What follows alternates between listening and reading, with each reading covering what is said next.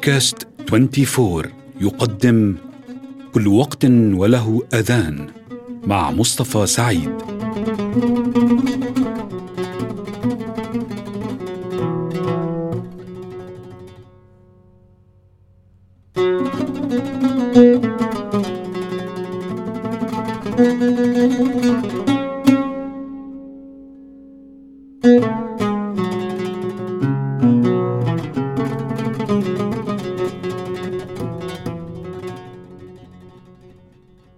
أصدقائنا المستمعين أهلا وسهلا بكم في سلسلة حلقات كل وقت وله أذان. سلسلة نعالج فيها باختصار شديد أنغام الأذان بمعلومات عامة ليست متخصصة إنما مجرد مدخل بسيط تشويقا للولوج في عالم مليء بالتفاصيل.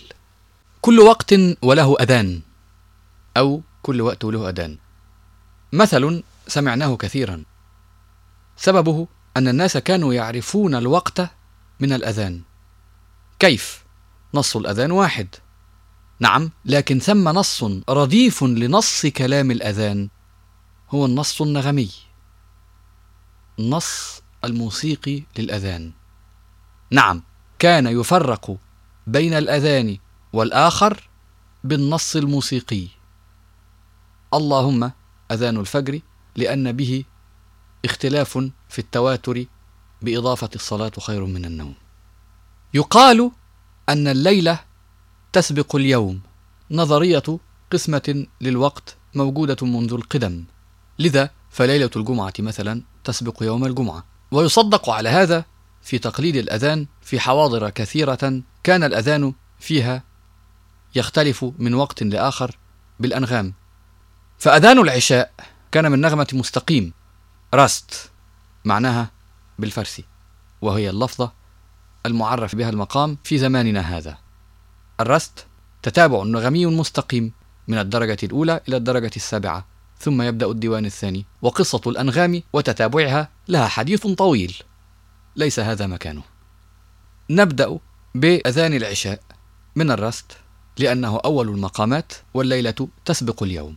ونستمع إلى نموذج من عشاء مولد نبوي على الأرجح سنة 1938 كان قارئ هذه الليلة المرحوم الشيخ محمد رفعت ونسمع المبلغ يبلغ المؤذن أي الشيخ محمد رفعت فنسمع صوته ونسمع صوت المؤذن من المئذنة. من أراد الاستماع لكل الأذان فله صيغة على موقع عباقرة التلاوة تختلف في المعالجة الصوتية عن الصيغة التي نستمع إليها ونختم بها هذه الحلقة.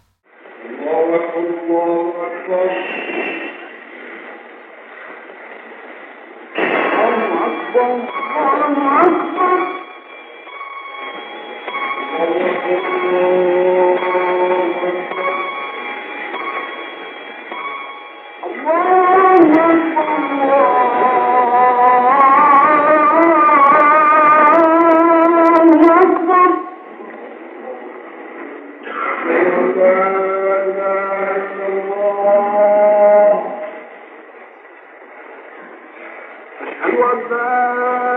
أشهد